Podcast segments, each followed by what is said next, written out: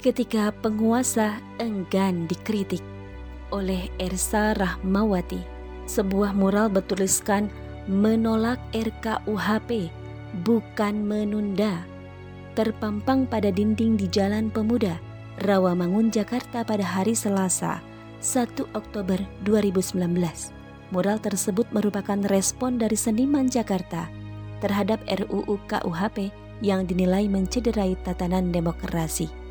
RKUHP yang seharusnya disahkan 2019 itu hingga kini masih menuai polemik karena banyaknya pasal-pasal kontroversial.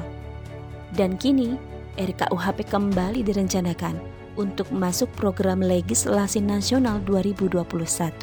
Pasal-pasal yang menuai kontroversi di antaranya tentang kebebasan berpendapat yang dianggap bertentangan dengan demokrasi. Aliansi Nasional Reformasi KUHP mengkritisi beberapa pasal pada rancangan KUHP. Ada empat pasal yang dituding warisan kolonial yang bertujuan mengekang iklim demokrasi di Indonesia. Pertama, terkait dengan tindak pidana penyerangan kehormatan atau harkat dan martabat presiden dan wakil presiden yang diatur dalam pasal 218 hingga 220 RKUHP. Kedua, terkait tindak pidana penghinaan terhadap pemerintah yang diatur dalam pasal 240 hingga 241 RKUHP. Ketiga, terkait tindak pidana penyelenggaraan pawai, unjuk rasa atau demonstrasi tanpa izin yang diatur dalam pasal 273 RKUHP. Keempat, terkait tindak pidana gangguan dan penyesatan proses peradilan yang diatur dalam pasal 281 RKUHP. Pasal-pasal tersebut dianggap akan membunuh dan mengekang iklim demokrasi di Indonesia. Jargon demokrasi yang menyatakan kebebasan dalam berpendapat nyatanya dapat dikebiri oleh negara melalui undang-undang. Jika begini adanya, lalu apa bedanya dengan negara otoriter? Negeri ini sedang dirundung banyak masalah, di antaranya wabah COVID-19 yang tak kunjung usai. Ekonomi melemah, utang menggunung, BUMN nyaris kolaps karena terhimpit utang dan masih banyak problem lainnya. Di sisi lain para politisi sibuk mengamankan kekuasaannya. Ada yang ingin memperpanjang masa jabatan, ada pula yang sudah ancang-ancang menuju pemilu 2024. Rakyat dipaksa mandiri mempertahankan hidupnya. Dalam situasi demikian, wajar jika rakyat menjerit protes dan keluarkan unek-uneknya Kekayaan alam yang melimpah tak hasilkan sejahtera, justru tertawan utang menggila. Pajak pun menjadi jurus andalan pemasukan negara.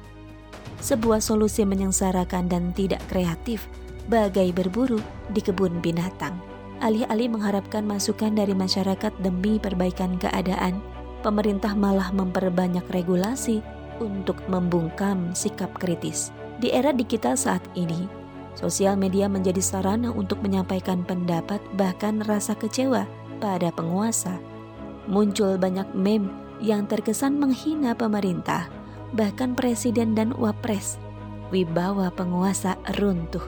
Seharusnya pemerintah introspeksi mengapa cacian dan bulian dilayangkan kepada mereka.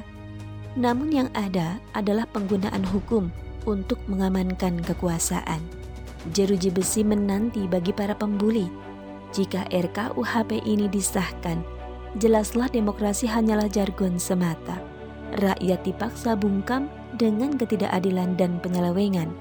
Lalu dengan cara apa lagi rakyat menyampaikan aspirasinya? Apakah harus menunggu kemarahan memuncak dan hasilkan pemberontakan? Bagai air bah yang menghantam bendungan, inilah cacat bawaan demokrasi.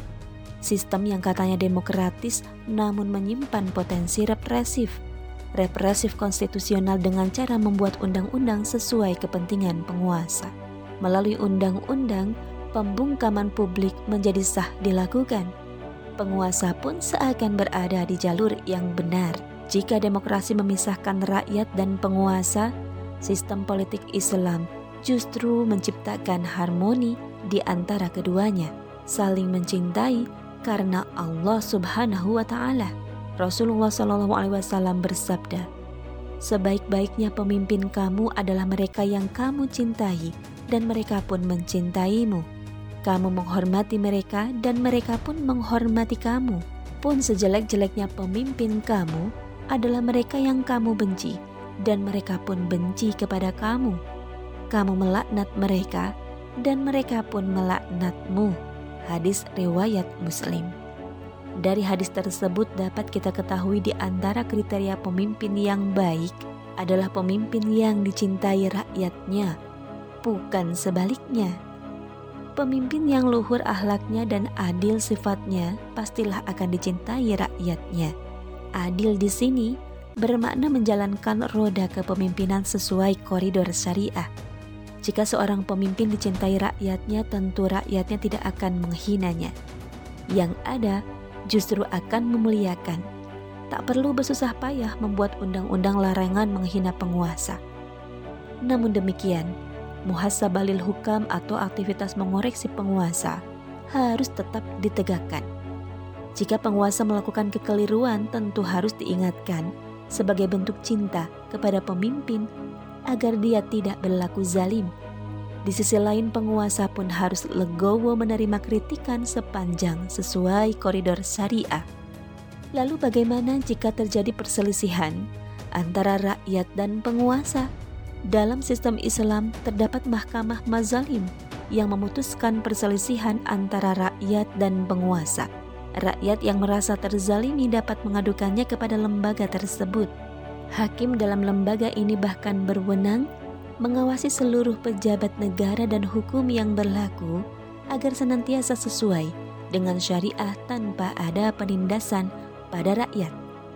Dari paparan ini jelaslah bahwa demokrasi memberi jalan kepada penguasa untuk bertindak represif dengan cara membuat undang-undang sesuai kepentingannya. Karena memang tidak ada standar pembuatan aturan pada sistem ini. Semua sesuai kesepakatan dan kepentingan pembuat hukum. Berbeda dengan sistem politik Islam, seorang khalifah harus menyandarkan ketetapannya berdasar syariah.